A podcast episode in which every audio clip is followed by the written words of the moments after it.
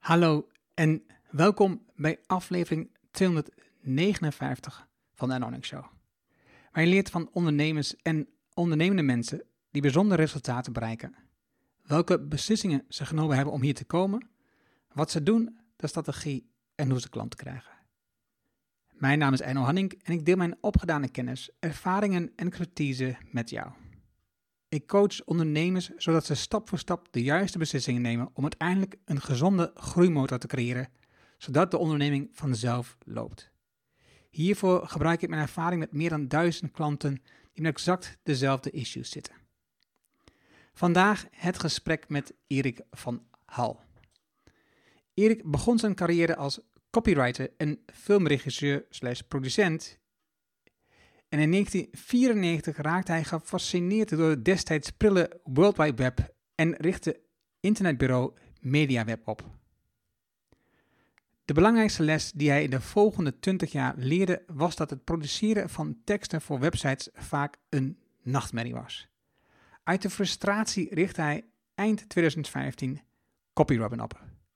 CopyRobin biedt copywriting as a service en heeft als missie om zoveel mogelijk pijn en frictie uit het copywritingproces te halen onder het motto Just Hit Publish. In dit gesprek vertelt Erik hoe hij met windsurfen en foto's de eerste stap in de wereld van copywriting maakt. Na een tijd lang de wereld zijn overgereisd met het surfen en skiën, rolt hij als vanzelf in zijn eerste bedrijf. Tijdens een diep dal met dat bedrijf, van later, en een lange wandeling komt een idee om mensen te helpen met copy. Het platform van CopyRobin is in twee weken opgezet met de collega's. Nu werkt Erik aan een wereldwijde uitrol van dit platform en wil het grootste platform op dit gebied in de wereld worden.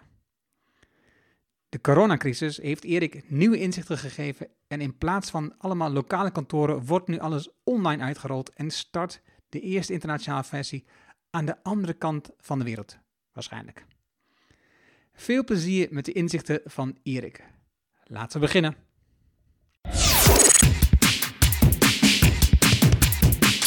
Welkom in de Erno Hamming Show. De podcast waarin je leert over de beslissingen om te groeien als ondernemer met je bedrijf. Luister naar de persoonlijke verhalen van succesvolle ondernemers en ondernemende mensen. Dan nu, jouw business coach, Erno Hamming. Vandaag zit ik in de podcast opname in gesprek via Zoom, omdat we nog steeds in de coronatijd leven, met Erik van Hal. En um, Erik uh, heb ik nog nooit ontmoet, dat is wel grappig, maar we volgen, ik, ik, volg Erik al, al langer. Uh, zit een, beetje in dezelfde omgeving, heeft veel dingen gedaan die ik ook heb gedaan. En, en maakt ook veel content, dus dat is waar, ik, nou waar we elkaar dan van kennen. En LinkedIn is natuurlijk waar we veel zitten. Dus, um, en toen week zag ik je, vorige week zag ik je voorbij komen, dacht oh ja, dat is misschien wel een goed idee om een keer met Erik te praten over uh, hoe nu loopt het Copy Robin, uh, met zijn keuzes die hij in het leven heeft gemaakt, met de keuze van ondernemerschap. Um, welkom Erik in de podcast. Dankjewel uh, Erno. Leuk om hier te zitten. Ja, nou ja, dat hoop ik. we, gaan het ervaren. Ik hoop dat de vragen niet te ingewikkeld zijn. Um, wat ik probeer te doen is steeds meer te schuiven richting, oké, de, de belangrijkste beslissing die je hebt genomen in je leven om um, waar je nu bent, uh, uh, waar je bent gekomen, waar je nu bent. Uh, maar ik begin ook wel vaak in het verleden. Dus, dus en ik heb een aflevering van je geluisterd waar je ook heel duidelijk je verhaal vertelt van um, je opleiding tot aan Copy Robin met alle ups en downs. Maar ik wil daar wel een stukje van herhalen, omdat daar een aantal mooie keuzes in zaten. Um, je bent begonnen op het uh, lyceum. En, um, en je bent na twee jaar in Oegstrees bij naar Haags Montessori Lyceum gegaan. Um, wat betekent het Montessori-stukje dan voor jou? Tja, dit is wel heel lang geleden. Uh, het was een beetje een keuze van mijn ouders destijds. Dus ik zat eerst op een uh, zeg maar klassikale uh, middelbare school in Oegstgeest, het Rijnlands Lyceum. Uh, daar deed ik de brugklas en halverwege de, de, tweede klas.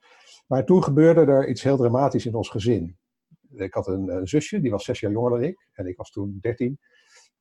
en die kwam te verongelukken. Oh, die logeerde bij een, bij een vriendinnetje en die hadden een, een, een slechte gijs of zo, twee meisjes van zeven in bad gestikt. En ehm, dat had zo'n enorme impact op ons gezin, maar natuurlijk ook heel erg op mijn ouders. En ik was de oudste, dus ik had, ik had nog een broer, uh, die twee jaar jonger is. Die heb ik nog steeds gelukkig. Ja. die, uh, en, en ehm, ja, en daardoor kwam er best wel veel op mijn schouders. Omdat mijn, mijn, allebei mijn ouders, mijn vader had ook een hele drukke baan. En, en dit was, ja, het was zo'n drama, zo'n verlies, dat, dat er veel op mijn schouders kwam. En mijn moeder maakte zich heel erg veel zorgen om mij. En die vond dat ik op die klassikale school niet goed werd begeleid.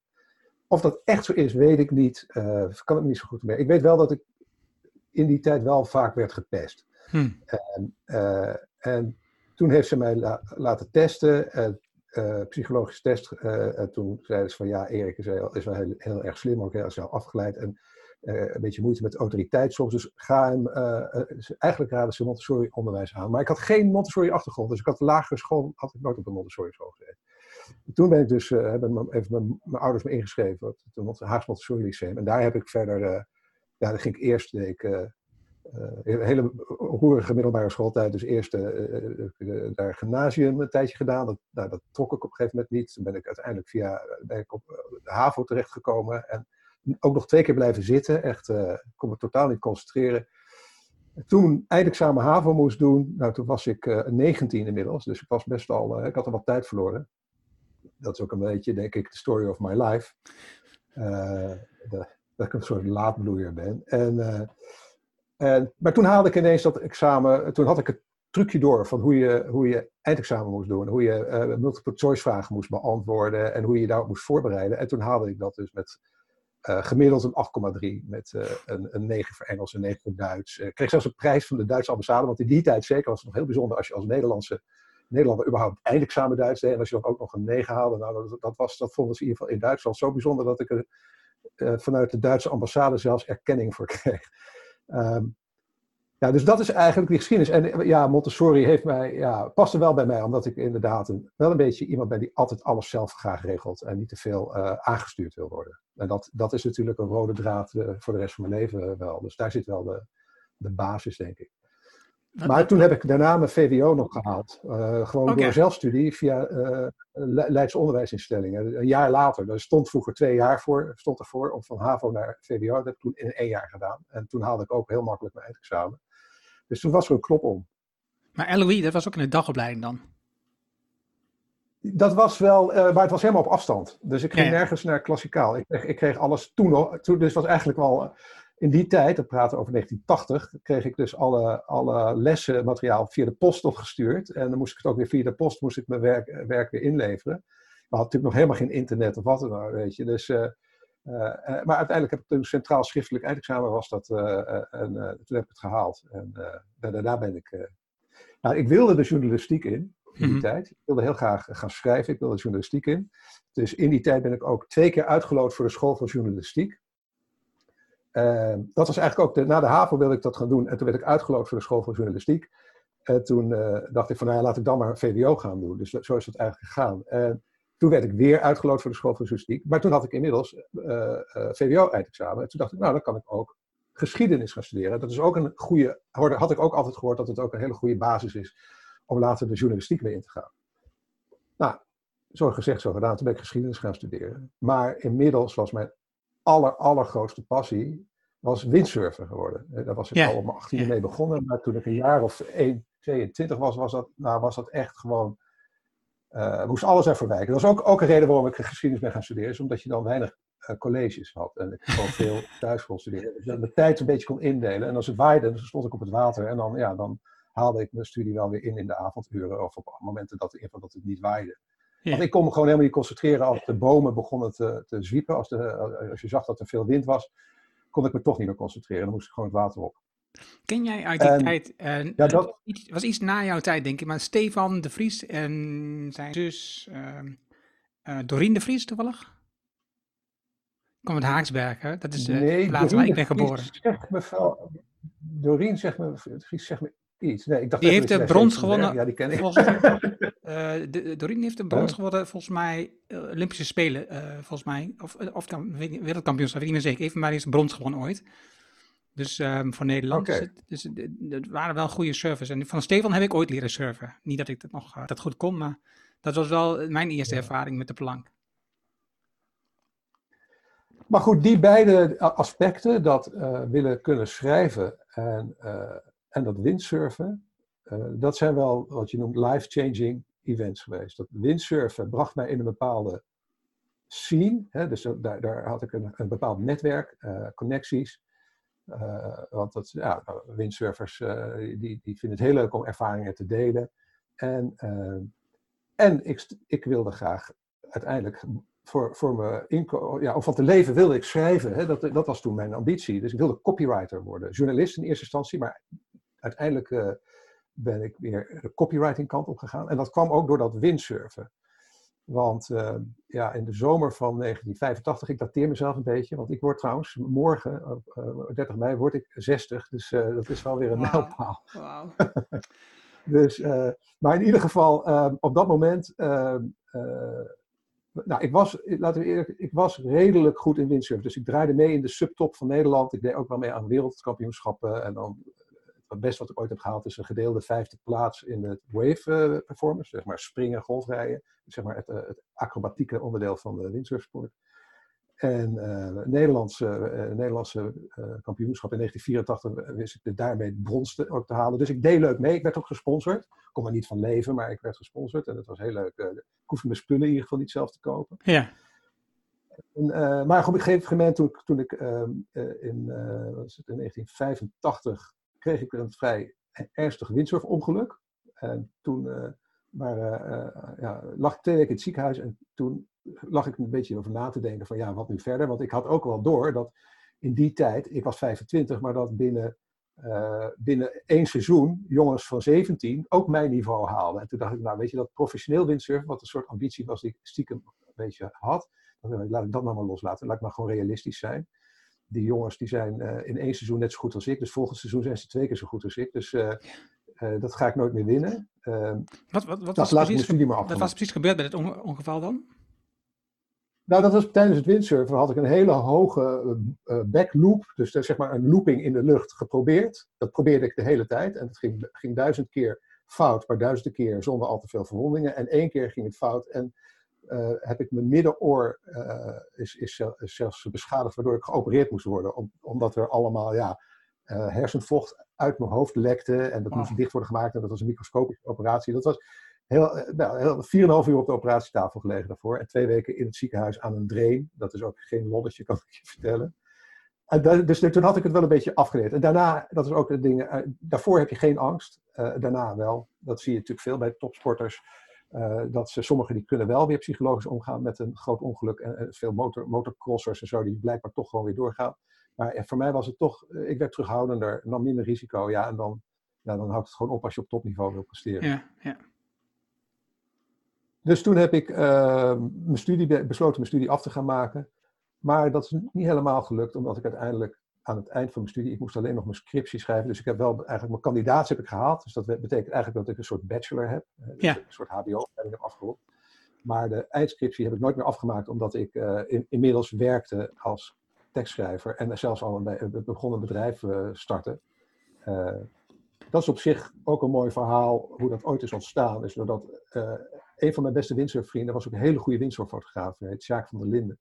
En, en die, die maakte de mooiste foto's. En zijn foto's eh, die stonden altijd op de cover en in de middenplaat van de surfbladen. Maar hij had nog veel meer foto's eh, en die verkocht hij veel minder. Dus toen zei ik op een gegeven moment tegen hem, als je nou die foto's die je niet verkoopt als middenplaat of als cover, als we daar nou verhaaltjes bij schrijven, dan verkoop je ze wel. Ja, zo gezegd, zo gedaan. En inderdaad, die, eh, ik schreef wat, hij kon niet schrijven, dus ik schreef wat teksten bij foto's die hij niet had verkocht. En toen verkocht hij ze wel met die teksten bij. Toen zei hij op een gegeven moment die hoofdredacteur van dat surfblad, die zei, joh, die schrijft die teksten voor je. En toen zei hij, nou, dat nou die wil ik wel leren kennen. Ah, en zo is het balletje gaan rollen. Want toen ging ik voor een surfblad schrijven. Ik, ik, eh, ik ik, weer op ik hoorde bij, het eh, verhaal, hè, eh, Erik. Ik hoorde het verhaal en dus... ehm, eh, en ik dacht aan aan een ander voorbeeld over een tekstschrijver. Dat was een journalist die besloot allerlei ehm, spulletjes te kopen. En voor die spulletjes tekstschrijvers in te huren en het te verkopen op eBay. Dus hij verkocht ze voor, eigenlijk voor, een, Ja. paar, voor een paar dollar en verkocht ze dan voor, voor honderden dollars. En haalde met, ik weet niet precies hoeveel producten het waren, maar haalde hij dus 6000% rendement. Puur doordat de verhalen stonden bij de producten. Nou, zou ik zeggen, mijn, dochter van 25, die doet precies hetzelfde. Die koopt ook eh, tassen eh, en eh, maakt er een heel mooi verhaal bij. En ma- maakt ook geen 6000 procent, maar ze maakt gewoon hele mooie winsten ook door tassen en andere mode-accessoires waar ze heel erg van houdt te kopen. En dan, eh, en, dan, eh, en dan natuurlijk scherp in te kopen, dus flink goede de koopjes eruit ja. halen. En Ja. dan een hele, mooiere foto's te maken en een heel goed verhaal erbij. en, en dan verkopen ze met, met, met winst. En dat, ja, dat, dat is de kracht van copywriting. Inderdaad. Ja, ja. En ik, ik, ik vind het wel bijzonder, dat, dat, dat hoor je niet vaak, hè, dat mensen zo vroeg al weten wat ze doen. En jij wordt morgen, ehm, nu nog 59, laten we het zo brengen. Ja, ik, blijf nog een jaar, ik blijf nog een jaar in 59 omdat ik geen feest kan geven. Hè? Dus Ja, eh, ja, ik heb ja, gezien- precies. net, als het, net als het Songfestival. En, eh, Schrijf je en gewoon het een jaar jaartje op en dan blijf nog een jaartje in 59, heb ik, eh, heb ik besloten. En, dan, en, dan, en, en, en nu zit je gewoon met, een bedrijf, copywriting, waarin je werkt met copywriters. En je bent nog steeds, eh, dus vanaf, vanaf het, de gedachte die je had, dat je dacht, ik ga aan de slag met copywriting, ik vind dat teksten gaaf. Je studie die ervoor kiest, je bedrijf die ervoor begint, de combinatie met windsurfingstekst. Het is gewoon ongelooflijk dat je zo gericht ehm, werkt en gekozen hebt. Ja, dat- zo zou je het nu achteraf misschien kunnen reconstrueren, maar zo heeft het voor mij nooit gevoeld. Het was altijd heel erg. Ik had nooit eigenlijk een heel groot, groot plan voor mijn toekomst eigenlijk. Ik, was, ik leefde eigenlijk veel meer van, van het moment. Ik wilde op dat moment gewoon windsurfen. En hoe kon ik dat ondersteunen? En, eh, en op een gegeven moment, eh, nou laten we zeggen wat er voor mij wel een rode draad is, dat ik, ik ben wel altijd iemand, een, wat je, zeg maar een, een early adopter of pionier bijna, weet je. Dus nieuwe dingen, die pak altijd. Dus windsurfen was ik heel vroeg bij, snowboarden was ik heel vroeg bij. Eh, en het internet ook. Dus toen, eh, ik heb, nou ja, ik heb eerst nog een uitstapje gemaakt doordat ik eh, steeds meer teksten ging schrijven eh, voor O'Neill. Eh, O'Neill werd mijn grote opdrachtgever van mij, dus daar schreef ik heel veel schoolagenda's, bladen, noem maar op. Maar ze maakten ook veel video's. En dan hadden ze een, eh, een, een commentaarstem. En iemand moest die tekst schrijven voor die commentaarstem. En die moest precies op tijd, op de seconde nauwkeurig, moest je die timend schrijven op tijdcode bij beeld. En daar hebben ze mij toen voor gevraagd. En dat vond ik zo'n leuk kunstje om te doen. Dat vond ik echt, dat puzzeltje, dat vond ik zo leuk om, die, om dan te zien wat die tekst toevoegde aan het beeld. Hoe, hoe, hoe het verhaal door de commentaarstem, eh, het beeld, veel krachtiger werd. Daar werd ik, werd ik er ook erg goed in. En daardoor eh, eh, ging ik me ook met alles bemoeien. En ineens, voor ik het door had, had ik ineens een audiovisueel productiebedrijf. En dat heb ik dus vijf jaar lang, of zes jaar lang, heb ik dus heel veel windsurf en snowboard en katamaran films gemaakt over de hele wereld. Echt de hele wereld rond gereisd.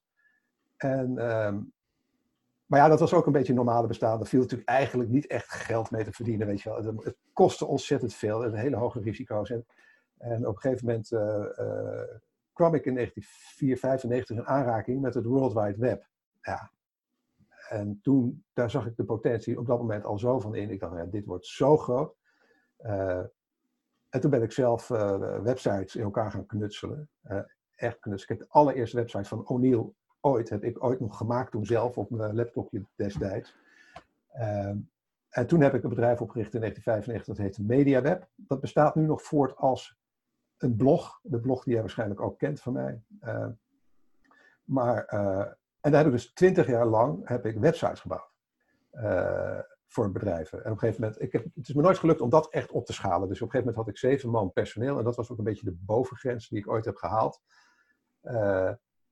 Eh, ja, en als je dan na twintig jaar verder bent. En toen was het 2015, dus ik sla nu wel van eh, eh, ja, 20 jaar ja, eigenlijk alleen maar websites bouwen.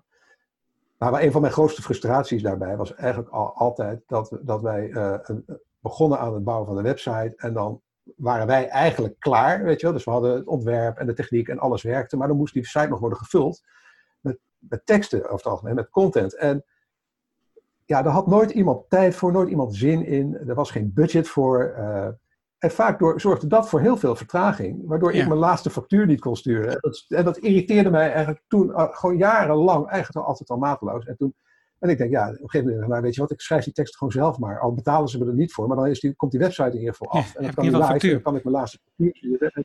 Ja, en, en, en eh, wat ik kon schrijven, dat, weet je, dat, dat, dat, dat, eh, ja, dat lag me wel. En in 2013 was ik al begonnen met een blog eh, voor MediaWeb, die heel goed aansloeg. Dus eh, ja, dat schrijven ging een steeds grotere rol spelen. Ja. En toen ben ik eigenlijk op het idee gekomen voor Copy Robin. Even, even, nog terug, want je vertelt net dat je dus in die tijd van O'Neill en teksten schrijven en video's maken eh, ont- ontzettend veel gereisd. W- Ja. wat, wat heb je daar nu nog, wat, is, wat, wat proef je nu nog dat je daarvan geleerd hebt, wat je daarvan gebruikt? Eh, nou, ik denk uit die hele filmopnameperiode heb ik een, een, een nare eigenschap die ik had afgeleerd.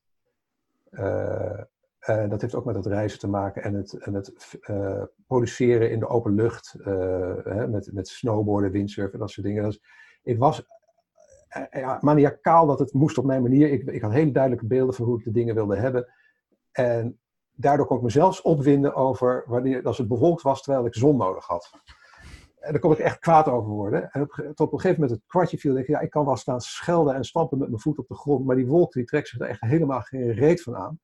Dus toen heb ik geleerd van ja, je moet eigenlijk altijd eh, toch leren een beetje in scenario's te denken. En te denken van oké, eh, wij gaan eh, morgen gaan we de sneeuw in of we gaan naar, de, naar het strand om opnames te maken.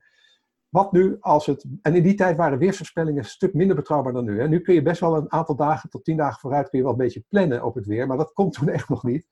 Dus als je dan, als ik dan, ja, dan dacht ik, ja, maar wat doe ik als het bewolkt is? En toen had ik op een gegeven moment had ik gerealiseerd van ja, interviews is het juist vervelend als je harde zonnestralen in de mensen hun gezichten hebt hè, met slagschaduwen. Dus dan zoek je vaak een schaduwplekje op. En dan weet je wat, dan bewaar ik er gewoon de interviews en dan doe ik die als het bewolkt is. En als de zon schijnt, dan moet je er klaar voor staan om gelijk je opnames te maken. En toen heb ik eigenlijk geleerd van, maak je nou niet druk over dingen waar je geen controle over hebt. Dat is natuurlijk een open deur, maar er zijn echt veel mensen, vooral jonge mensen, die daar echt, eh, en ook perfectionisten, die daar heel veel moeite mee hebben. Maak je, maar maak je alleen druk over dingen waar je wel controle hebt. En, en je kan wel controleren hoe je daarmee omgaat met zo'n probleem, wat zich voordoet, want het is natuurlijk wel een probleem. En je kan een scenario bedacht hebben van wat je gaat doen als zich dat voordoet. En dat is denk ik een belangrijke les die ik in die tijd heb geleerd. Van oké, oké, het is nu bewolkt, nou wat kan ik wel? Ja, dat hebben we nu ook in die coronacrisis ook heel erg. Er zijn zoveel beperkingen. Ik, er helemaal, ik heb er helemaal geen last van. Ik denk alleen van, oké, maar wat kan ik wel? Ik denk niet van, wat kan ik allemaal nu niet meer? Nee, ik denk, wat kan ik nu wel? En dat, dat, maakt, dat is zo'n bevrijding. eh, dan is je leven gelijk zoveel leuker. Ja, ja, ik herken dat heel erg. In het uh, boeddhisme, uh, daar, zit het, het, daar zit het ook in. Dat is een van de, van de kernregels van het stoïcisme, is eh, dat je ehm, alleen maar kunt beheersen, controleren hoe jij op dingen reageert. Hè? Dus de, rest Ja. is, is, heb je geen controle over. Dus het enige wat je, waar je op invloed over en waar je dus mee bezig kunt zijn, is hoe reageer ik op wat er nu, wat er nu voor me staat. Ja, en dat is natuurlijk een hele lastige, maar dat is wel ehm, wat ervoor zorgt dat je leven een stuk rustiger wordt. Ja, dus dat, dat, nou ja, en van al het reizen, ja, ja, al die culturen, het is gewoon, ik heb natuurlijk ook wel geleerd om, om ehm, heel veel mensenkennis, om ook, te zien dat, eh, dat, dat, dat je zelf ook niet altijd de wijsheid in pacht hebt. En dat je, de- ja, dus je, dus je gewoon ook heel goed is om te luisteren naar mensen, ook als je het niet met ze eens bent. En, eh, en, en, ja, en een, ja, een enorme ehm, eh, bewondering voor de natuur. Ik ben natuurlijk een prachtige. Ik ging ook niet naar grote steden of zo. Ik ging echt naar prachtige eilanden en naar hoge eh, afgelegen bergtoppen en zo. Dus ik heb daar ja, eh, een enorme liefde voor de natuur en, en, en een ontzag ook voor, voor de natuur eh, eh, aan overgehouden. En keihard werken, want videoproductie, zeker in die tijd, we hadden we zo'n 150 kilo materiaal bij ons, weet je, dat is nu, en dan moesten we vliegtuig in, vliegtuig uit. En, dat was echt, echt bizar. En het is tegenwoordig natuurlijk een heel ander verhaal. Eh, nu heb je van die kleine GoPro's die beter beeld maken dan wij destijds met een camera van 100, eh, 120.000 gu- gulden in die tijd, weet je wel. Dus eh, ehm, eh, je, je leerde ook wel om een norm aan te pakken. Dus het was echt van morgens 7 uur beginnen met voorbereidingen en dan de hele dag draaien in een knallende zon of in de sneeuw onder hele barre omstandigheden. En dan s'avonds tot 1, 2 uur s'nachts nog monteren en dan eh, twee- een paar uurtjes slapen en dan ging het weer door. En dat, ja, dus hard aanpakken, uh, niet bang zijn om, om, om die handen vuil te maken en, en, en keihard door te pakken. Ook dagenlang achter elkaar uh, echt uh, de kaars aan twee uiteinden branden. Dat heb ik daar ook wel geleerd. Maar dat hard aanpakken, dat is nog steeds een ding wat, wat op dit moment nog een rol speelt bij jou? Ja, natuurlijk. Ik, ik, ik, ik, ik heb wel wat meer structuur nu natuurlijk, omdat ik nu een bedrijf heb opgebouwd wat ook heel erg uh, aan de operationele kant zichzelf regelt. Dus ik, ik, operationeel van hoe, hoe het loopt, heb ik zelf veel minder omkijken naar. Dus ik ben meer bezig met gewoon zichtbaarheid en het, de groei en, en minder met daadwerkelijk. ik schrijf bijvoorbeeld zelf geen teksten voor klanten. Uh, dat doe ik ook uit principe niet, want mijn tijd is daar niet schaalbaar genoeg voor. En CopyRobin moet echt veel groter worden dan de is, dus dat moet schaalbaar zijn. Dus wij werken met 200 freelancers. En, uh, en ik schrijf zelf geen teksten. Ik hou wel toezicht op de kwaliteit, maar ook niet, natuurlijk kan het niet op elke tekst. Dus daar heb ik ook weer mensen voor. Maar, uh, dus dat is, maar dat, ik, dat als het moet, dan, uh, ja, dan, uh, dan buffel ik nog steeds door. Alleen ja, je wordt ouder, dat merk je wel. Weet je wel. Ook fysiek merk ik natuurlijk zeker dat ik nu, ja, als ik kijk toen ik windsurfde in de, en in de twintig was, en dat ik gewoon dagenlang met heel veel wind op het water stond. Als ik nu een half uurtje heb gevaren, dan voel ik dat echt. Dan heb ik best wel pijn na afloop, moet ik daar een prijs voor betalen. Eh, vorige week eh, zaterdag heb ik nog eh, met best wel veel wind ge, gewindsurfd. Ja, dan ben ik twee dagen geradbraakt gewoon. Dat doet alles pijn. Ja, dat, was, dat is de straf van het ouder. Maar dat komt natuurlijk ook omdat je veel minder doet. Veel minder, ja, natuurlijk. Ja, ja, absoluut. Maar ook gewoon door, gewoon, je wordt ouder. Dat is echt uh, onmiskenbaar. Dat, ja, ja. Dan moet je ook aan, aanpassen. Dat is ook een heel interessant proces, ouder worden. Ja. ja. Even, je noemde net, Copy Robin moet scalen. Eh, en dat noemde je ook bij je eerste bedrijf, hè? dus dat je, um, of tenminste het bedrijf uh, waar je website bouwde. Met zeven man heeft dus nooit, ja. uh, nooit groter gegooid en je wilde graag groter. Maar waarom moet het groter? Ja, dat is die, die ambitie die ik had. waarom wilde ik ook professioneel windsurfer zijn? Ik wilde, mensen vragen dat wel eens en dan denken ze van ja, wat moet je dan bewijzen? Maar ik denk zelf dat het, dat, um, dat het echt wel goed is om een vak als, als copywriting, wat eigenlijk qua hoe, hoe het wordt uitgevoerd, uh, de, de, de, hele uh, logistiek eromheen, eigenlijk heel erg is blijven hangen in de vorige eeuw. Hè, om dat dus goed te moderniseren. Dus ik kijk natuurlijk ook heel erg naar tools, eh, AI-gedreven tools, om, om veel werk uit handen te nemen van mensen door computers. Uh, om ja, daardoor steeds, want er is, kijk, de behoefte aan, ik ga dan, heb het dan over geschreven content, en die behoefte die groeit eigenlijk zodanig dat het aantal mensen er niet is om dat, om dat bij te houden. We hebben eigenlijk hulp nodig van tools en van automatisering om de behoefte aan teksten die er is, uh, om, die, uh, te blijven, om daaraan te blijven voldoen. En met name om dat ook op kwaliteit te kunnen blijven doen. We kunnen natuurlijk dus ik zie, ik zie wel dat, dat ik zie nog niet dat, eh, dat de computer zelf teksten gaat schrijven en zonder tussenkomst van een mens gaat publiceren. Dat gebeurt in beperkte mate, gebeurt dat wel. Maar dan praat je over teksten die heel erg zijn gebaseerd op data, dus uh, op, op sportuitslagen of bijvoorbeeld op uh, de beurscijfers, die, de, zeg maar de beurshandel, die spuwt de hele dag heel veel data uit. Dus daar kan, kun je met kunstmatige intelligentie al best wel aardige teksten uithalen zonder tussenkomst van een mens. Dat het lijkt geschreven door een mens. Hm. Maar met gewoon zeg maar, een blog uh, ergens over schrijven dat, uh, door een computer, dat is nog ongelooflijk lastig natuurlijk. Uh, er zijn wel een aantal initiatieven op dat gebied en dat ziet er allemaal nog niet uit. Dat is echt allemaal nog bagger. Maar denk even terug aan drie, vier jaar geleden aan Google Translate, hoe je er toen mee omging. Dat was lachen gewoon, weet je. Ik gebruik de Google Translate zo nu dan als, uh, gewoon om, om, om even te kunnen lachen om hoe, hoe Google Translate dingen vertaalde. En nu lach je er niet om, nu neem ik het bloed serieus. Ik, heb, ik moet vaak in het Duits corresponderen en ik kan wel goed Duits, zoals ik al uitgelegd. Ik had een, 9 op mijn eindexamen. Maar ja, eh, grammaticaal en zo, tegenwoordig ja, ja, niet, goed, niet zo goed bijgehouden. Dus wat ik, uh, ik gebruik nu bijvoorbeeld een tool als DeepL.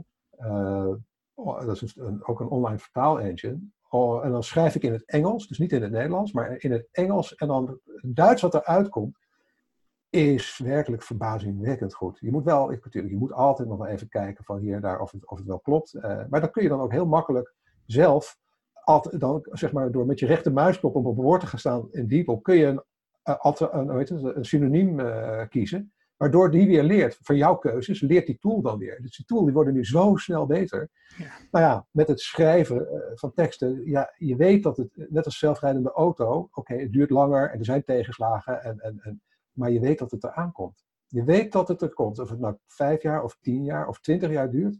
Maar op een gegeven moment ga je niet meer zelf achter een stuur zitten om je auto te besturen. Dat weet je gewoon. Dat, dat, dat komt. En dat is met die teksten denk ik ook. En ik denk, denk dat wij. Maar denk je ook dat de, de, teksten dat, eh, van voice naar tekst, dat dat meer wordt gebruikt? Hoe bedoel je van voice naar tekst? Dus dat, het, nou, dat, dat je iets inspreekt en dat het vanzelf uitschrijft. Nou ja, dat, die ontwikkelingen zijn ook al hard gegaan. Uh, zelf uh, gebruik ik het wel als ik notities. Ik loop, ik wandel heel graag. Dus ik loop heel graag hier in Noordwijk, het prachtige Noordwijk, door de duinen en over het strand. En dat doe ik eigenlijk vaak s morgens. En dan heb ik, is dat eigenlijk een soort taak om dan na te denken over een probleem. Uh, zodat ik die wandeling niet alleen fysiek uh, er beter van word, maar dat er ook mijn zaak er beter van wordt. Want een deel van die wandeling loopt wel eens door in werktijd, zal ik maar zeggen. En dan, dan denk ik na over een probleem en dan maak ik met mijn gedachten, die, die spreek ik dan wel in. Dus dat, voor notities werkt dat eigenlijk al heel erg goed. Uh, zodat ik het niet later hoef over te, uit te werken, want dan spreek ik het in en dan typt uh, bijvoorbeeld, ik heb een, een, een iPhone, dus uh, de Notes app, die typt dan eigenlijk gelijk voor mij uit. En dat kan in het Nederlands en in het Engels. Um, en, ehm, maar ja, dan nog is het lastig. als je een lang verhaal gaat houden, dan maakt hij er toch op dit moment nog niet veel soeps van. Ja. Dus het zijn allemaal korte zinnetjes. Hè? Ja, maar wat ik meer bedoel, wat ik wel, wel uh, zie gebeuren, wat ik me heel goed kan voorstellen, is dat wij, kijk, bij onze, onze klanten via onze website, die vullen voor elke opdracht, uh, beantwoorden ze online via een, formulier een aantal vragen. Ja, dat is data. En de da alle data die we al hebben over eerdere stukken die we hebben geschreven voor die klant en alles wat, ze, wat, ze, wat we verder nog weten over die klant en over een doelgroep en noem maar op. Uh, dat is nu nog niet zo. Nu moet gewoon een mens moet daarmee werken. Maar ik kan me wel voorstellen dat wij dat kunnen koppelen straks aan AI. En dat dan een, al een soort draft, hè, dat, dat, dat onze engine al een soort schetsverhaal schrijft. En, dus, uh, zeg maar, zodat, zodat de schrijver zelf er gewoon veel minder werk aan heeft. Hmm. Waardoor je een enorme efficiëntie kan maken. Dus die schrijver blijft voorlopig nog wel nodig om daar. Uh, om dan de emotie erin te brengen en ook om te toetsen of, of er geen gekke dingen in staan. Want met artificial intelligence kan ontzettend aan de haal gaan. Dat heeft natuurlijk Microsoft een keer meegemaakt. Die hadden ook een soort chat engine gemaakt waarmee je gesprekken kon voeren. En dat ding leerde dus van mensen. En, en wat leerde die van, omdat de verkeerde mensen natuurlijk allemaal op, op internet dan met zo'n tool gaan spelen. De, leerde die racisme. Dus dit werd een, racistische uh, uitlatingen begon die te doen. En toen heeft Microsoft hem heel snel uh, weggehaald, uit, uit de lucht gehaald.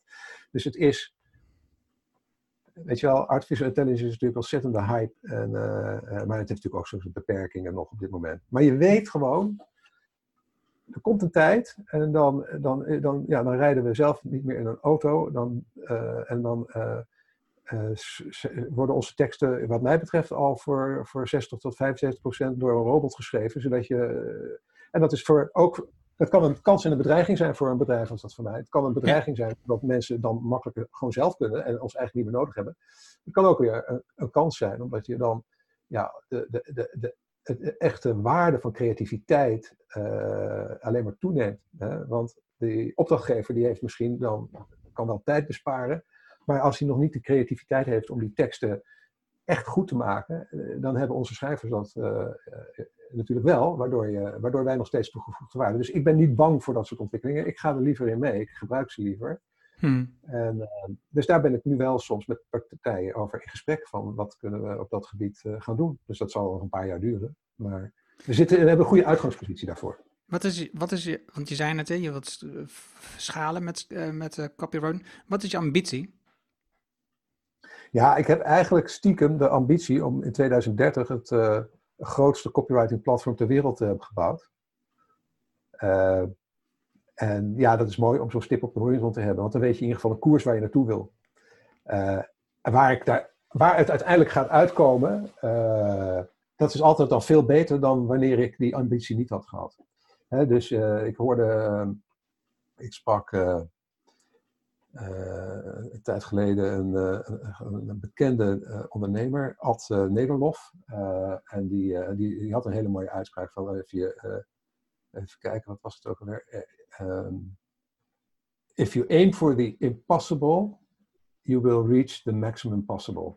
Weet je wel? Dus door, je, door, een, door een, een bijna onmogelijk doel te stellen, bereik je het maximum wat, wat er in je zit. Maar als je van tevoren gaat bedenken wat er maximaal in zit, dan bereik je daar misschien 20 of, uh, of 50 procent van, of 70 procent. Dus haal je nooit, je, je uh, nooit alles eruit. Dat vond ik wel een goeie, weet je. Dus zo, zo, zo wil ik er zelf ook naar kijken dus uh, over tien jaar dan ben ik 70, dat wel. Maar dan, dat is mijn ambitie om dan, om dan echt te kunnen zeggen, nou kijk, daar heb ik echt iets heel groots internationaals van gemaakt, wat in de wereld een best wel een dominante rol speelt als het om, om copywritingdiensten gaat.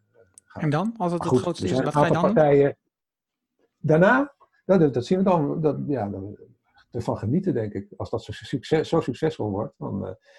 ik heb, ik heb een, zeg maar, de, de, weet het, ja, de, stiefvader van mijn vrouw, die is, wordt dit jaar 90 en die, gaat nog, die werkt nog fulltime als controller van een casino. En dat is wel een voorbeeld. Die man uh, die werkt gewoon, zit zo ingebakken in hem, dat uh, hij kan zich helemaal niet voorstellen dat hij met pensioen gaat. En, zit hij weet je, en die heeft gewoon een baan, een serieuze, ook niet een vrijwilligersbaantje of zo. Nee, gewoon, hij werkt tien dagen uh, acht uur per dag en dan heeft hij vier dagen vrij. En dan is hij verantwoordelijk voor alle financiën van een casino op Curaçao. Ja, de, dat vind ik ook wel qua mentaliteit. Ik hoop ook dat ik. Uh, ik heb ook helemaal geen pensioenopbouw. Dus uh, dat zit allemaal in mijn zaak. En als die zaak ooit uh, flopt, ja, dan moet ik me tering naar de nering zetten. Ja. Zien rondkomen van AOW. Maar ja, daar, daar, ja dat, zo is het leven. Dat heb ik altijd al gehad. Ik heb nooit een algemene arbeidsongeschiktheidsverzekering gehad bijvoorbeeld. Uh, Risico's. Ja, is dat verstandig? Ja. ja. ja. of, of oogkleppen hoor, het is maar net hoe je het ziet. Ja, precies. Het net van welke kant je naar kijkt. Want je, je stond op een, op een dramatisch punt um, toen je bij de bank zat. Bij de? Rabobank. Bij de Rabobank. Dat verhaal, ja, ja. ja hoe, hoe ik, uh, de, de ontstaansgeschiedenis van copywriting, ja, dat was zeker een heel dramatische tijd. Uh, dat was in de zomer van 2015. Ik weet de datum zelfs nog precies. Uh, dat was zeg maar rond deze tijd, maar dan vijf jaar geleden.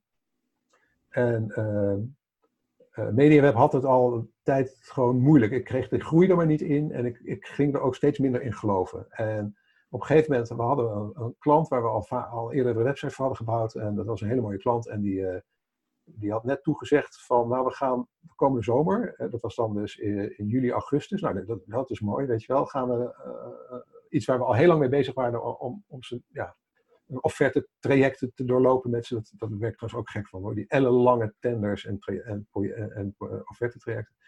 En toen uh, zei ze van, uh, nou dat ging toen om 60.000 euro, dus dat was voor mij toen een, gewoon mooi, dan, dat helpt me mooi de zomer door. En toen zei ze, ja het kwam er niet los en toen vroeg ik, wanneer gaan we beginnen? En zei nou, we hebben bestuur gesproken en hebben besloten om het volgend jaar pas te gaan doen.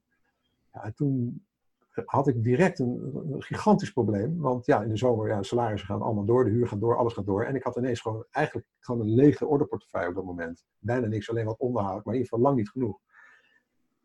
Dus mijn, ja, mijn reflex was om naar de Rabobank, mijn huisbankier, te gaan. En te vragen of ze me uh, even de, zomer door konden helpen. Ja, en toen kwam ik daar uh, op het kantoor, uh, het hoofdkantoor van onze regio. En uh, zat er echt een hele aardige, hele nette jongen tegenover me. Maar ja, het had mijn zoon kunnen zijn. Ik zeg maar, ze vergat altijd zo'n jongen van 12 in een pak tegenover me. Maar was, dat is zo respectloos dat ik niet zei. Het was gewoon een hele was gewoon een professional, maar echt zo'n zo'n trainee, weet je wel. Zo, die die, die uit zo'n klasje komt van, van zo'n hoge opleiding. En maar die zei, ja, ik moet je helaas uh, uh, gaan voorstellen. Het enige wat ik kan doen is, ik ben je nieuwe accountmanager, maar ik, dan moet je ook gelijk doorschuiven naar mijn collega van uh, bijzonder beheer. Want ja, uw vermogens, eigen vermogen is nu negatief. En nou ja, ja, dat was, ja, dat was natuurlijk een ongelooflijke klap. Want ergens wist ik natuurlijk dat het slecht voor stond. Maar ik had ook, ja, je, ondernemers hebben vaak echt, wat dat betreft natuurlijk, over veel te veel optimisme. En hopen, denken ook echt dat een bank zo wel weer zal helpen. En ehm, eh, ja, dus daar stond ik eigenlijk na een kwartier alweer buiten met die boodschap. En ehm, ja, helemaal uit het lood geslagen. En ik moest die middag eh, de succesvolle internetondernemers gaan spelen in een, een of andere tv. nou, niet eens een tv, maar een video wat, wat door een grote hostingpartij, uh, die hielden een, een video, uh, ja, een soort, soort hoe noem je dat, een ronde tafelgesprek met allemaal internetondernemers. En, en daar was ik er dan één van. En dan moest ik natuurlijk, uh, ja, dat heb ik nog kunnen doen die dag. Maar die, die spagaat van me daar goed houden, alsof ik, alsof ik zo'n goede ondernemer was. En, en ondertussen de realiteit van, ja, je, kan je, nu, je, wordt nu, je gaat nu praten met bijzonder beheer. Nou, die klap, die was ook psychologisch heel groot. Dus de volgende ochtend, uh, was een zaterdag, toen uh, werd ik wakker. Oh, wacht, was wacht, echt wacht, heel, even, echt, wacht even, echt voordat je dat ingaat van copywriting. Waarom, waarom positioneer zij jou als succesvol internetondernemer? Wat was, wat was dan het beeld wat ze van je hadden? Nou ja, ik had natuurlijk een succesvolle blog en uh, ik had natuurlijk stonden mooie klanten op mijn website. Weet, weten zij veel? Yo, yo, de, aan de buitenkant kun je echt niet zien wat er bij mensen. Dat is toch ook bij, bij stellen die uh, uh, op verjaardagsfeestjes het heel leuk samen lijken te hebben en even later zijn ze gescheiden. Ja, dan zat er al, weet je, mensen houden zich goed en dat deed ik ook. Die, die middag ook, hield ik me ook goed. En uh, daarna, kijk, zo openhartig zoals ik nu over praat, is nu ook weer makkelijk, omdat, ik het me nu ook, omdat het me nu wel weer beter gaat. Maar uh, als ik nu nog steeds, uh, zeg maar, de hele tijd in grote problemen zou zitten, zou ik het misschien ook moeilijker vinden om erover te praten.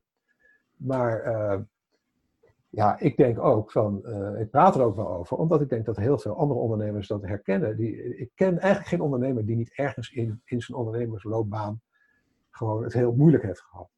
Uh, mensen die zeg maar, van het begin af aan alleen maar succesvol zijn geweest, eigenlijk, ja, ik vraag me af of dat wel bestaat. Weet je? Ja. Dus, dus dat heb ik ook gemerkt, want dit verhaal heb ik toen ooit een keer kunnen vertellen uh, aan het Financieel Dagblad, aan de journalist van het Financieel Dagblad. Toen kreeg ik zulke leuke reacties daarop van mensen die zeggen: hè, eindelijk iemand die, die dat vertelt, die het vertelt, de andere kant van de medaille uh, vertelt. En daar heb ik ook hele leuke relaties, dus ook klanten aan, aan overgehouden. En, dus, um, maar heb je, uh, want heb je, heb je het bijvoorbeeld dat op het moment dat, je, in ieder geval, voor mij is het herkenbaar, dat, dus voor de buitenwereld word je gezien als succesvol, op waar dat ook op gebaseerd mogen zijn, dat er ook mensen geen klant worden, omdat ze denken dat je uh, te duur bent, uh, dat je niet goed genoeg, of dat je te goed bent voor hun, of uh, dus dat, dat, dat, dat het succesgevoel wat anderen hebben bijna een blokkade is voor mensen om met je contact op te nemen? Um, ja, dat, dat zou kunnen. Heel toevallig had ik gisteren een heel leuk Zoom-gesprek met een, iemand die, uh, die uh, uh, zei: Ja, ik, ik, volg je al, al, al, al een paar jaar. Lees je blogs, luister naar je podcasts. En ja, ik heb wat vragen over mijn website, de vindbaarheid, zoekmachine optimalisatie, dingen waar die mee zat. En hij zei ja. En toen zag ik een WhatsApp-knop op je website. En ik denk, nou weet je wat, ik probeer het gewoon. En toen was hij helemaal verbaasd dat hij mij persoonlijk uh, kreeg, dat ik het ook zelf antwoordde. En toen heb ik diezelfde middag dus een Zoom-gesprek met die man gehad.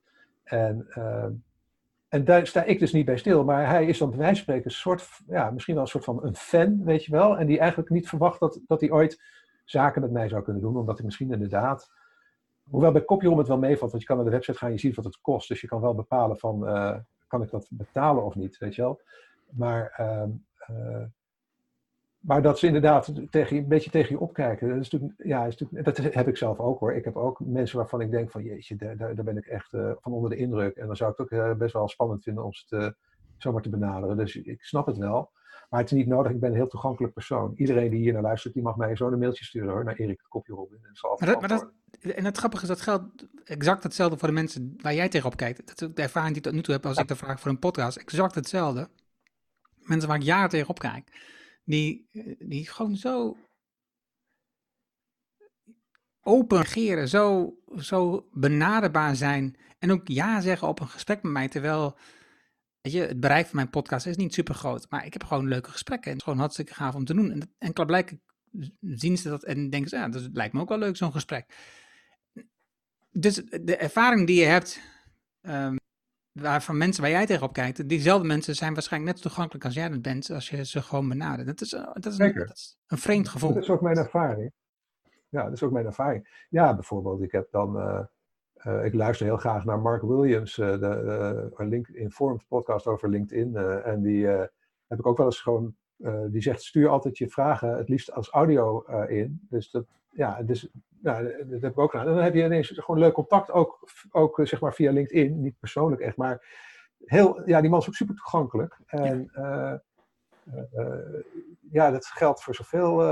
eigenlijk vaak is het eenzaam aan de top. Dus als jij, als jij iemand die, waar je tegenop kijkt, iemand die, die, en die misschien veel voor je kan betekenen, kan benaderen, dan um, doe het gewoon. Maar wees wel uh, origineel. Zorg wel dat je niet een. Uh, en, wees, en, en probeer iets te geven. Dus probeer vooral niet om, om alleen maar te komen halen. Want daar zijn die mensen natuurlijk wel allergisch voor. Ja, ja. Uh, dus er zijn, ik krijg ook heel veel e-mails waar ik niet op reageer, moet ik je zeggen. Mensen die willen, weet ik veel, dan willen ze. weet het, een soort van gastblog op MediaWeb, maar dan is het een soort geautomatiseerde mail, die, niet goed gepersonaliseerd, niet goed gekeken waar het over gaat. Uh, ja, dan, dan reageer ik dus niet. En, uh, of, of het is heel erg dat duidelijk is dat zij alleen maar wat komen halen en zelf niks, niks te bieden hebben. Dan reageer ik ook. Kan, ik heb niet tijd om op iedereen te reageren. Nee. Maar als iemand gewoon oprecht interesse toont in wat ik doe. En oh, ik, ik, ik, probeer ook altijd zoveel mogelijk om studenten uh, die, die met werkstukken of eindexamenstukken of uh, weet je wel, uh, die, die mij willen interviewen. Want ik heb net gisteren weer een mailtje gekregen van een, een, meisje die moet afstuderen en die wil een interview met mij doen. Ja, dan zeg ik eigenlijk altijd wel ja, weet je. ook al heb ik daar zelf dan niet zoveel aan, maar je moet gewoon wat kunnen geven in de wereld. Het komt ergens via een andere route altijd wel weer terug.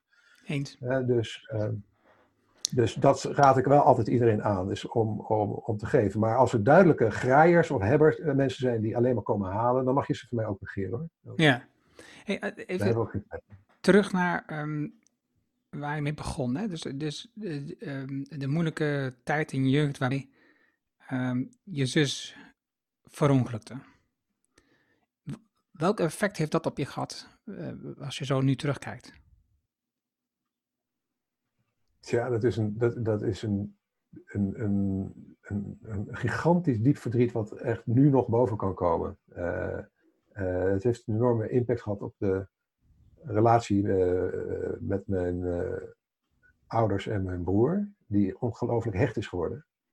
Terwijl ehm, de, het andere gezin, bij wie thuis dit was gebeurd, daar het is helemaal de andere kant uit gegaan. Die, zijn, die hebben echt een, heel veel misère erachteraan gekregen scheidingen, eh, eh, depressies, heel veel eh, narigheid. En, ehm, ja, dus, dus maar voor mij heeft het natuurlijk heel jong volwassen gemaakt, omdat ik eigenlijk de, het hoofd van het huishouden werd. vanaf mijn 13e, 14e jaar. En ik heb mezelf heel erg weggecijferd.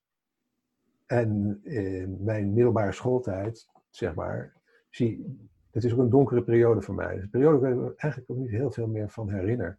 Minder dan andere mensen uh, zich herinneren van de middelbare school. Ik heb het echt weggedrukt. Het was echt een donkere, zware, ook wel deprimerende tijd. En uh, uh, ik kreeg toen ook last van overgewicht en werd ook gepest en zo. Het kwam, het kwam allemaal stapels op elkaar. Op elkaar. En dat is pas eigenlijk overwonnen doordat ik ben gaan windsurfen. Dus windsurfen heeft al vanaf mijn achttiende ben ik dat gaan doen ongeveer. Heeft dat wel mijn leven echt misschien wel gered. Maar het heeft in ieder geval ja, mijn leven een enorme positieve draai gegeven. Mhm. Eh, het had ook heel anders kunnen aflopen. Maar uh, ja, het, het, het, en een, een hele belangrijke les die ik daar ook uit heb is: um, word alsjeblieft niet boos in impulsieve reactie als er iemand tegenkomt, een wild vreemde in het verkeer, gebeurt iemand die snijdt je af of wat dan ook. Je eerste reflex is: ik word boos. Maar je weet nooit wat die persoon op dat moment doormaakt in zijn of haar leven. En, en wie weet heeft hij ook net een groot verlies te verwerken of wat dan ook. Dus wees gewoon altijd zoveel mogelijk aardig en uh, respectvol naar mensen om je heen.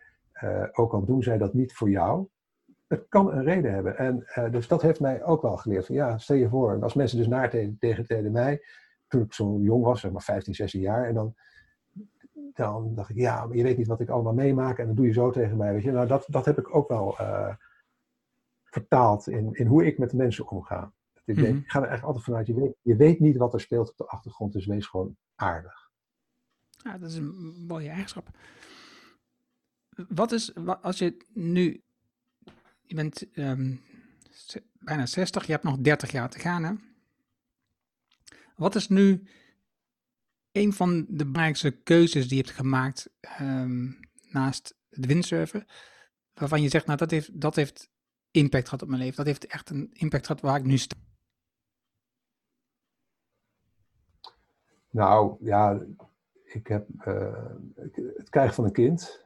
Uh, dat heeft een enorme uh, impact. Ehm, ja, dat, dat is. Ik, heb, ja, ik durf wel te zeggen dat ik een hele bijzondere band heb met mijn dochter van 25. Dat wij echt. ja, dat ze ook heel. Ja, zij vindt het nog steeds leuk om met mij op vakantie te gaan, bijvoorbeeld. Nou, dat gebeurt niet zoveel. de meeste kinderen, die als ze eenmaal een jaar of 16, 17 zijn, dan gaan ze liever alleen op vakantie. Uh, dus dat, nou, ik durf te zeggen dat het een hele bijzondere band is. Ja, en natuurlijk op een gegeven moment, uh, ik ben ook uh, zeg maar zes jaar geleden, zes en een half jaar geleden, vijf, vijf en een half jaar geleden, ben ik weer getrouwd. Ik heb mijn huidige vrouw getrouwd, maar we kennen, elkaar al ietsje langer natuurlijk, vanaf 2000, ja, 12 jaar, vanaf 2008. En um, ja, dat zijn, dat zijn veel belangrijkere keuzes in het leven. Ehm, de keuze van je partner, en dat heeft mij heel veel rust gegeven, daar, eh, een heel sterk thuisgrond. Ik denk dat dat, dat, dat onmisbaar is. Um, even kijken, wat, wat, hoe waren we hier, wat, wat voor keuzes je maakte? Uh, ja, die waar je nu staat. Ja, ja, en, ja dus ja, ik, kijk, ik ben, wel, ik, ik ben wel een soort van maniakaal als het gaat om mijn zaak en het bouwen aan mijn bedrijf. Maar ik weet heel goed dat andere dingen veel belangrijker zijn. Dus ik heb twee uh, bejaarde ouders nog steeds. De, dus mijn vader die is is, uh, die wordt dit jaar 86, maar die zit al in een verzorgingshuis en die heeft helaas dementie. En ja, dat, dat is natuurlijk een, een hele nare, progressieve, zich ontwikkelende ziekte. Terwijl het een, ja, hij is 25 jaar lang hoogleraar geweest aan het Leidse Universitair Medisch Centrum. Ehm, ja, zo'n man met een enorme carrière en die dan zo zien aftakelen, dat, dat is ook wel heel eh, confronterend. En mijn moeder heeft ook behoorlijke gezondheidsuitdagingen, maar is, ja, is kunstenares en maakt nog steeds kunst en is nog steeds, uh, ondanks grote lichamelijke beperkingen, uh, eigenlijk uh, niet kapot te krijgen mentaal. Dat vind ik ook wel een hele, heel goed voorbeeld. maar daar heb ik, dat kost mij ook veel, daar, ik besteed daar veel tijd aan. Ik, ik probeer echt zoveel mogelijk voor ze te zijn. Ehm, en ehm, en dat, ik heb heel erg beseft dat dat heel veel belangrijk is. Er is nog nooit iemand op zijn sterfbed gelegen en gezegd, had ik maar meer tijd kantoor doorgebracht. De meeste mensen zeggen, had ik maar meer tijd met mijn dierbaren doorgebracht. En dat is iets wat ik me heel goed realiseer. Maar hoeveel tijd breng jij gemiddeld op kantoor door dan? Nou, nu helemaal niks. Ik, ik heb zelfs mijn uur opgezegd. dat is een heel ander verhaal. Ik, uh, ik, heb, ik werk gewoon thuis. Ik heb thuis een kantoor. Ik heb op dit moment uh, nog één vaste medewerkster die, uh, die, die, die, de kwaliteitsbewaking doet voor Copyroom. En verder 200 freelancers. En, en, het platform wat alle, alle, alle, alle opdrachten aanstuurt. Dus een super lean, mean. Ook heel erg crisisbestendig concept. Want wij kunnen omhoog en omlaag schalen. Dus ja, hele, eigenlijk een hele lage overhead. En ja, en ik heb dat is wel wat ik nu door de corona, dingen die ik eigenlijk altijd al wilde, maar waar de, mens, de wereld om me heen me eigenlijk een beetje dwong om daar niet te veel in mee te gaan. Dus zeg maar 100% digitaal opzetten. Daar heb ik nu wel besloten dat ik daar gewoon heel erg eigenwijs in ga zijn. Dus ik heb nu ook inderdaad gewoon de huur opgezegd. Uh, en, en ik ga ook niet meer fysiek uh, op bezoek bij mensen voor vergaderingen. Dat doen we voortaan altijd lekker zo via Zoom. Dit, mij, mij bevalt het echt prima. En uh, dus het bedrijf is gewoon, wat mij betreft, volledig digitaal. En ja, ik gebruik dat ook. Dat, dat was ook een van de dingen, um, die een van de checkboxes toen ik copywriting bedacht, was van ik moet het overal ter wereld kunnen uitoefenen. Dat, dat nieuwe bedrijf moet niet plaatsafhankelijk zijn. Moet niet zo zijn dat ik niet weg kan, omdat ik op, op een kantoor ergens moet zijn. Uh, dat wil ik echt niet meer. En uh, dus de afgelopen winters zit ik ook altijd twee, ruim twee maanden in Curaçao. En ik werk gewoon door. Ik sta daar gewoon heel vroeg op en ik ga gewoon lekker aan het werk. En, uh, en, en het werk leidt er ook niet onder. maar dat, dat is een, was al vanaf mijn jeugd een droom. En ja, nu kan het. Maar toen ik een kantoor had met zeven medewerkers en dat elke dag moest aansturen, ja, was dat eigenlijk een droom waarvan je, ja, ik kan die droom wel hebben, maar gaan dat, wanneer gaan we dat ooit realiseren? Uh, behalve als je misschien gewoon heel veel geld verdient, ja, dan kun je die vrijheid kopen. Maar ja, nou, zolang dat niet het geval is, ik, ik, moet je je leven zo inrichten. Nou ja, dus ik heb, ik heb zelf uh, al, al heel, vanaf het begin eigenlijk altijd gewerkt vanuit huis en uh, vooral digitaal gewerkt. En afgelopen in 2018 besloten om juist meer fysiek te werken, om juist klanten te ontmoeten en ook voor de podcast zoveel mogelijk op bezoek te gaan bij mensen om de podcast te spreken. Omdat dus ook ja. um, fysieke ontmoeting van mij uh, gemerkt dat het ook belangrijk is. Hè? Dus ik heb bewust gekozen om vanuit huis te werken om de kinderen mee te maken, om de kinderen op te groeien. En nu zijn ja. die 21, 23. Um, ja, dus dus daar is dat, dat, is, dat spel is veranderd. En dus dacht ik, ja, nu, nu wil ik graag weer mensen ontmoeten. En dat, maar dat, is een, dat hoeft niet. Hè? Dus voor vergaderingen en voor coaching kan ik het ook online. Maar ik vind het ook heerlijk om gewoon naar een klant te gaan om dat te bezoeken. Dus, dus dat is dan een vrije keuze. Dus, uh, hoe, hoe kijk je dan ja. daar aan dat je nog steeds wel mensen ontmoet? Maar, jawel, natuurlijk, natuurlijk wil ik graag mensen, mensen ontmoeten, maar, dan, uh, maar niet, niet voor, uh, voor kijk, soms is het, is het onvermijdelijk. Maar weet je, laten we het zo zeggen, wat ik eigenlijk meer wil, wil, wil, uh, wil zeggen, is dat tot corona, als er dan een gesprek was met een potentiële nieuwe klant bijvoorbeeld, en het was een, nou, en die, die verwachtte eigenlijk dat je langskomt. Maar ja, CopyRobin is een online platform. Maar dan durfde ik eigenlijk geen nee te zeggen als ze zeiden, nou kun je naar Amersfoort komen, dat is drie kwartier rijden. En, weet je, en, en, en het gaat niet om projecten van tonnen. Het gaat, weet je wel, uh, om honderden of duizenden euro's die, die klanten bij ons uitgeven, weet je wel. Het zijn geen, uh, sommige klanten geven veel meer uit, maar... Dus, dus, en dan voelde ik me bezwaard om te zeggen, nou, we kunnen het ook uh, via Zoom of iets dergelijks doen. En nu niet meer. Als ze nu zeggen, van, kun je, kunnen we wat afspreken. Ik heb ook van de website heb ik ook de mogelijkheid om op locatie gewoon verwijderd. Je kan een Zoom of een telefoongesprek met me boeken. Prima. En dan ben ik ook heel veel beschikbaar. Ik kan ook veel meer afspraken per dag. En ik kan het gewoon net zo persoonlijk, want ik heb ook gewoon elke dag met mijn, met mijn vaste mensen, ja, dat is nu een heel, heel klein team natuurlijk, heb ik gewoon een stand-up via Zoom. En eigenlijk hebben we nu betere gesprekken dan als we dat op kantoor deden. Want dan zaten we eigenlijk uh, gek genoeg meer nog steeds achter ons beeldscherm. Of we moesten echt een vergaderkamer ingaan. En nou, dat was dan weer zoveel van ja, voor even een stand-up, waarom zou je en nu hebben we gewoon een afspraakje 10 uur s morgens, eventjes Zoom, 10, 15 minuten even bijkletsen, even alles uh, en dan boem, klaar. En dat is zo ja, heel efficiënt. Uh, en ik mis dus niet, ik vind dat wij nu ook een heel persoonlijk en, en, en vloeiend gesprek hebben. Niet gehinderd, natuurlijk heb je soms problemen met techniek en dan buffert het en dan is het traag of zo als de internetverbinding niet goed is. Maar dus, hè, er zijn ook beperkingen. Maar ja, het is gewoon nu bewezen dat het kan. Je ziet ook in het nieuws nu, heel veel bedrijven ineens eh, zeggen van ja, wij hebben de uur opgezegd, we gaan allemaal vanuit huis werken. Uh, dus ik denk ook dat er, dat er echt grote blijvende consequenties zijn. Ik had ook een poll op mijn website gezet, of op LinkedIn gezet van de week, waarin ik die vraag stelde. Er was toch 70% van de mensen, het waren er eens zo'n 200 of zo, die hebben geantwoord, die zeggen van ja, ik ga meer vanuit huis werken dan voorheen. Ja. Um, uh, dus, dus, dus, uh, en dan is het mooi, dan, kan je, dan wordt het ook dus iets bijzonders als je bij iemand langs gaat. Net als dat een, een, ja. een weet je, ik zal ook niet snel een, brief, een, een poststuk sturen, uh, want e-mail is veel efficiënter, maar als je wat ontvangt via de post, dan is het wel wat meer wat bijzonder. Dus nu kun je wel zeggen, nou, dus ik bedoel, stel je voor, ik ga in gesprek met potentiële investeerders voor, weet je, voor de groei van Copyrobben, ga je natuurlijk wel uit eten en elkaar fysiek ontmoeten als dat, dat ja. allemaal weer goed kan en zo. En, uh, tuurlijk, weet je wel, maar de meeste dingen kunnen prima op deze manier. Ja, want en, ik, en mij ligt, nee, nee, mij ligt het wel. Ja, ja, ja, in het gesprek wat was in september of wat ik hoorde van jou vorig jaar. Toen had je het al over investeerders om Copyrobin te laten groeien. Ja, ja. Hoe, hoe, hoe staat het er nu mee? Hoe, ja, dat is wel door corona is dat wel een beetje, hoe noem je dat? On hold. Ja, ja. Maar uh, wat ook daardoor is ontstaan, door, is dat ook ik mijn businessplan ook eigenlijk voor de internationale uitrol helemaal anders zie nu. Dus ik heb, het is heel goed geweest dat de, de corona is eigenlijk voor mij, uh, even los van het menselijk leed wat er natuurlijk is, maar voor, voor mijn focus en voor mijn mindset en voor waar ik, ja, heeft het de dingen zo mooi op scherp gezet. Ik weet nu zo goed wat ik wil. En het is allemaal zo helder dat dat ik ook daarin discussies ook niet meer me laat vanaf laat praten. Weet je wel, door mensen die er dan weer anders over denken. want dat zijn bijna altijd ideeën die inmiddels achterhaald zijn. En dus mijn businessplan was, zat er toen nog een beetje meer op van ja, zelf landen gaan doen. Weet je wel, in Engeland of in Duitsland een kantoor openen. Ja, dat ga ik nu, dat ga ik nu niet meer doen. Dus dat, wordt een heel ander. Dus dan heb je nu een primeur. Maar ik, uh, dat wordt echt, wat mij betreft, het licentiemodel. Dus dat ligt zoveel beter.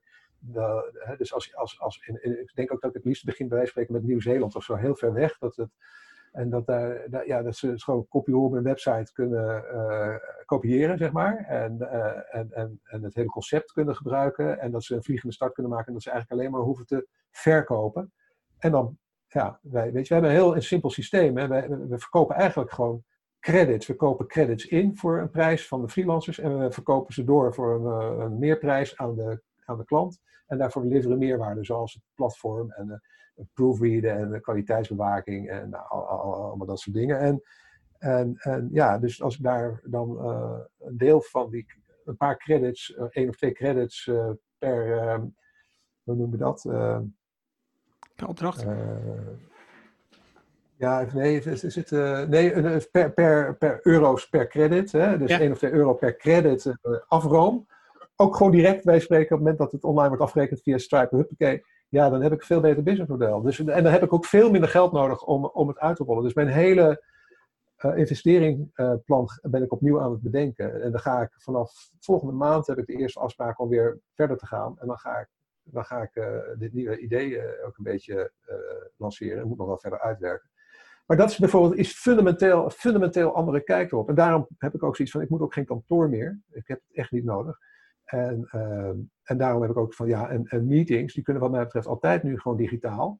Want dan kan ik ook, weet je wel, ik zat gisteren ook met een meeting met een dame van SEMrush. Dat is, dat, daar partner ik mee, dat is een, SEO-tool. Daar gaan, zijn we samen content mee aan het creëren, voor, voor MediaWeb met name, voor mijn blog. Uh, ja, die zit in Sint-Petersburg en dan hebben we ook zo'n gesprek. En, en weet je wel, ik denk ook van ja, waar zijn we in godsnaam mee bezig om in een auto te stappen en een uur ergens naartoe te rijden? Het is echt niet nodig. Ik vind het echt gewoon niet nodig. Maar met een paar vrienden, kijk, mijn verjaardag vieren is nu natuurlijk wel. Ik, dan ga ik niet een Zoom met mijn vrienden en dan het glas heffen of zo. Nee, dat vind ik dan ook weer. Weet je, met mijn vrienden ga ik, wel morgen op het strand, op afstand en dan trakteer ik. En dan, weet je, dat kan nu net weer een beetje, weet je. Dat, dus ja, en zo kan het ook zijn dat bepaalde zakelijke uh, contacten, dat, dat, dat, het, dat het gewoon veel fijner is om, om persoonlijke, uh, fysiek uh, de, te kunnen, kunnen ontmoeten. Maar ik denk dat het, dat het veel minder vaak nodig is dan we gewend waren te doen. En ja. Dus dat scheelt gewoon ontzettend. Ja. Eens, ik kan me het heel goed voorstellen. Wie is, ja, wie is jullie grote concurrent eigenlijk? Ja, dat zijn er honderdduizenden. Iedereen die teksten schrijft en daar geld voor vraagt, is onze concurrent. Dat is van de kleinste freelancer tot aan, tot aan hele grote platformen. Dus we hebben heel veel concurrenten, alleen er zijn er niet zo heel veel die het op dezelfde manier doen als wij. We hebben wel een vrij unieke manier om het te doen. De partij die daar nog het meeste op lijkt, dat is ook toevallig van SEMrush, dat heet Marketplace. Dat, hmm. Ik weet dus niet, de output weet ik niet, maar die, die, uh, die ja, die hebben natuurlijk die hebben ook wel zeg maar ook een platform dat je SEO-teksten gewoon kan bestellen via hun ja, je zit al in een omgeving en dan zit gewoon een knopje, ja, ik heb geen zin om het zelf te schrijven, bij spreken. Ja, dat, dat, dat is natuurlijk ook wel mijn ambitie om de grootste online copywriting platform te worden. Dat, zij zijn daar wel een uh, groot obstakel in, denk ik. Maar ja, dus dat soort, uh, dat vind ik een goede. Dus er zijn er wel die, waarvan ik denk, die zijn heel goed. Maar wie we ook veel tegenkomen in de markt, het is uh, tekstbroker. En, maar daar heb, ik, komen mensen altijd naar ons toe en zeggen, ja, we werken altijd met tekstbroker. Maar ja, dan is het toch te vaak kwaliteit. Dat is wel goedkoop, maar dan, ja, dan, dan valt het. Weet je, je moet gewoon steeds meer kwaliteit leveren. Ja. Uh, ja, als je, bij dat soort platformen kun je ongetwijfeld ook kwaliteit krijgen, maar dan betaal je ook veel. En bij ons betaal je relatief dan minder. Wij hebben denk ik wel. Dat is echt mijn streven geweest. Dus het systeem zo te bouwen dat je de best denkbare prijs-kwaliteitverhouding kan leveren. Daarom ben ik ook zo bezig om vooruit te denken in de richting van AI. Want dat betekent gewoon dat we voor dezelfde prijs straks gewoon meer kunnen doen. Mm -hmm. En uh, uh, dat is ja, democratisering, want dus iedereen die een website heeft, heeft teksten nodig. Sterker nog, ik bedoel, er zijn ook, mensen hebben ook voor allerlei andere redenen teksten nodig. Wij schrijven ook echt alle, als het maar geschreven wordt is, dan doen we het. Inmiddels ook in iets van zes talen en ook dat groeit. dus ja, de, de, ik maak me nooit zo druk om concurrentie. Kijk, het, is, deze... Nee, was, het was niet het feit dat ik me de, dacht of druk was. Het was meer van oh, die grote platform waar je tegenop aan het werken bent om de grootste te worden in de wereld.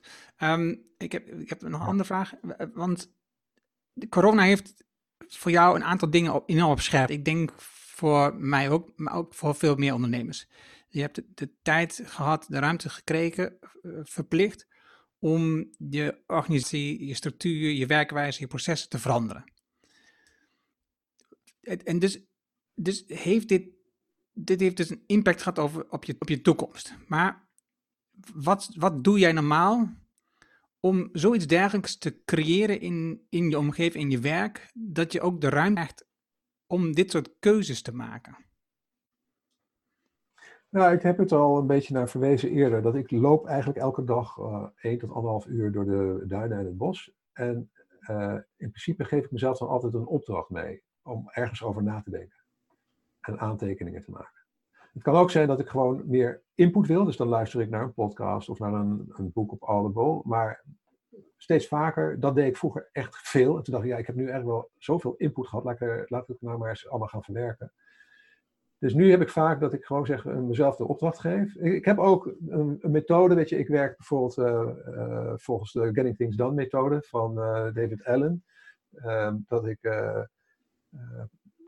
ja, probeer efficiënt met de tijd om te gaan. en, en, en dan heb ik dus ook echt een, een, een, een time blocking. Dus in mijn agenda heb ik gewoon tijd om na te denken. Want dat doen mensen gewoon veel te weinig. Is gewoon nadenken. Je bent bezig met de waan van de dag en de hele dag reageren. En dat doe ik ook hoor. Ik ben ook iemand die de hele dag reageert op alle dingen die er gebeuren. Maar ik blok dus wel tijd en dat is altijd liefst vroeg in de ochtend. Ik ben ook, ik ben ook sinds een jaar uh, begonnen met echt vroeg opstaan. Dus ik ga echt om zes uur sta ik op. En uh, dan ga ik eerst uh, lekker koffie drinken, ontbijten en of een beetje entertainment, gewoon een beetje mindlessness, maar vaak ook gewoon alvast nadenken over dingen. En dan ga ik sporten. Dan ga ik een uur lang ga ik tekeer. En dan ga ik wandelen. En dan ergens tussen 9 en 10 ga ik aan het werk. En, maar in die wandeling denk ik als mijn vrouw meegaat, en, en ik heb een hond, die, die hond neem ik natuurlijk mee. Als mijn vrouw meegaat, dan praten we vaak natuurlijk over van alles en nog wat. En, uh, uh, maar als ik alleen ga lopen, dan ga ik, gebruik ik die tijd om, om na te denken over, over problemen die ik wil oplossen, maar ook over de toekomst. Nou, op dat soort momenten ontstaan dan ook dat soort ideeën, dat ik denk van ja, waar ben ik mee bezig? Om, oh, weet je, ik ga het helemaal anders doen. Ja. Fantastisch, fantastisch. Um, ik vond het fantastisch met je praten, Erik. Ik heb veel van je geleerd dit gesprek over uh, wandelen, het belang van wandelen, dat is iets wat ik zelf ook um, hoog in mijn vader bestaan. En ik, ik, heb het wandelen een beetje vervangen tot hardlopen, dus dat, misschien moet ik weer iets meer terug naar wandelen. Heb ik ook de laatste tijd corona gedaan, uh, maar dan kan ik minder goed nadenken. Maar Precies. ik heb uh, slechte knieën en helaas zijn, zijn die toch weer gaan opspelen. Dus dat hardlopen, ik ging op een gegeven moment liep ik alweer 10 kilometer hard. Dat is, dat is echt tien jaar geleden dat ik dat voor het laatst kon. Noodgedwongen, hè, omdat de sportschool dicht De sportschool ga ik altijd op zo'n elliptical staan en dan hebben mijn knieën geen last. Maar nu moest ik wel iets doen. En toen ben ik toch weer begonnen met hardlopen. Ging eigenlijk best wel goed. Maar ja, op een gegeven moment uh, ja, word ik te, te ambitieus. En uh, nu heb ik toch weer last van mijn knieën. Dus nu, uh, nu heb, ik, heb ik andere oplossingen voor gevonden. om toch een cardio te doen. En niet ja. fietsen. Want fietsen, dat trekt. Maar, maar ja, dus uh, je moet. Uh, maar wandelen komt daarna. Dat, dat hoort bij mij niet bij sporten. Dat hoort meer bij mediteren. Ja, ja eens. Dat, dat, ik denk ook dat dat zo is. Ik moet wel. Ik moet wel hard, hard, ik moet wel, als ik sport, moet ik wel echt heel, heel erg zweten. Dan moet ik echt helemaal leeg gaan. En, en, en dan kan ik ook niet nadenken. Dus dan luister ik gewoon naar muziek. En dan, uh, ja. Maar als ik, ga, als ik ga wandelen, dan is dat meer meditatie en creativiteit. Ja, bij, bij, bij hardlopen weet ik dat uh, um, als, je, als je goed traint, dan train je in principe alle zones eh, van, je, van dat uh, hartritme. En dus, dus er zijn heel veel momenten in je week, in de weektraining of de maandtraining, waarbij je heel rustig traint. Dus, het, de, ja, dus ja. het, is, het gaat echt niet, in, de, in mijn hardlopen gaat het echt lang altijd over zoveel mogelijk zweten. Elke dinsdagavond, donderdagavond heb ik een training, um, uh, gezamenlijk. En, en, dus daar is de intensiteit heel hoog, dat wel. Um, maar voor de grootste tijd van de week is de intensiteit heel laag. En gaat het vooral over kilometers maken in een lage uh, hartslagzone, zodat je ook die onderdelen van je hartslag traint, want je in de hogere zones ook sneller. Ja. Ehm, maar wandelen is, is, is een, een, wat ik nu weer langzaam probeer op te pakken. Want dat is, uh, ik, ja, wat je zegt, het is een moment waarbij je, dat voelt als een meditatie, waarbij je gewoon heel, heel veel kunt nadenken. Uh, Erik, dank je wel voor je gesprek. Wat is de plek waar mensen het beste contact kunnen opnemen? Want je zei al, je, bent, je staat open voor vragen, dus wat is het beste wat ze kunnen doen? Nou ja, als ze meer willen weten over, uh, over CopyRobin, dan kunnen ze gewoon naar copyrobin.nl. En uh, nou ja, ik denk dat je dat wel in de show notes of zo uh, staat uh, straks, hè, hoe je dat spelt. Maar nou, je ziet het, als je kijkt naar het beeld, dan zie je het recht. Staat, staat in, precies. um, en um, ik heb natuurlijk ook blog MediaWeb, mediaweb.nl. En daar, daar publiceer ik wekelijks behoorlijk diepgravende artikelen. Um, en mijn persoonlijke contacten kan heel goed via LinkedIn. dus als je, en als je mijn naam in, intypt in Google, Erik met een C van Hal met dubbel L dan, uh, ja, dan kun je me niet missen. Volgens mij domineer ik de eerste drie pagina's of zo daarmee. Uh, dus je kan, uh, LinkedIn staat dan uh, altijd ergens bovenaan. Ja, als je gewoon, zeker, ik accepteer de meeste mensen wel. De enige die ik niet accepteer is, ik denk dat het echt spammerachtige mensen zijn. Maar met een persoonlijk berichtje vind ik natuurlijk altijd leuk. En zeker als je verwijst dat je me hier hebt gehoord, dan hebben we gelijk wat om over te praten. En dan, dat, dat zou ik helemaal mooi vinden. Het is ook weer leuk om naar jou terug te koppelen, dat mensen over mij hebben gehoord bij jou, bij, bij, Erno. En, en, en daarna contact hebben gelegd met mij. Dat vind ik leuk. Ja. LinkedIn is voor mij, een, ja, daar leef ik ook wel een beetje in. Ja, ja. dat is herkenbaar. Super, dankjewel Erik. En graag tot de volgende keer. Heel erg bedankt voor het leuke gesprek. En heel veel succes verder met je podcast en je blog en alles wat je doet. dat was het mooie gesprek met Erik. Je vindt de namen en links die we noemden in het artikel dat bij deze uitzending hoort. Ga daarvoor naar ernohanning.nl slash show 259. Wil je meer van dit soort afleveringen luisteren automatisch op je telefoon krijgen? Dat kan. Heb je een iPhone? Simpel. Standaard zit daar namelijk de Apple Podcast app op. Open deze app en zoek de Ernohanning Show op en je hebt vanzelf de volgende aflevering op je telefoon. Heb je een Android-telefoon? Geen punt. Installeer dan bijvoorbeeld de Player FM app. Open deze app. Klik op zoeken en Running Show en abonneer. Dankjewel en fijn dat je mij volgt. Heb je een opmerking, vraag of reactie over deze aflevering met Erik of over de podcast in het algemeen? Stuur dan een bericht naar podcast.ernhorning.nl. Dan weet ik dat het over de podcast gaat. Ik hoor super graag van jou. Gebruik de crisis om veranderingen te realiseren. Ontdek hoe je innovatie juist nu kunt versnellen en 9 gouden tips die je nu kunt doen voor je marketing. Wil je leren met welke beslissingen je sterker uit deze crisis komt met je team? Vraag dan het boek Betere Beslissingen rondom een crisis aan op ernhorning.nl. Dit is mijn nieuwste boek en je downloadt het helemaal gratis. Er is geen e-mailadres nodig of niks. Wil je de papieren versie? Dat kan ook. Je betaalt dan alleen de verzendkosten. Het boekje blijft gratis. Het is een gelimiteerde opname, dus vraag het nu aan op ernorning.nl. En je leest het in één avond tijd.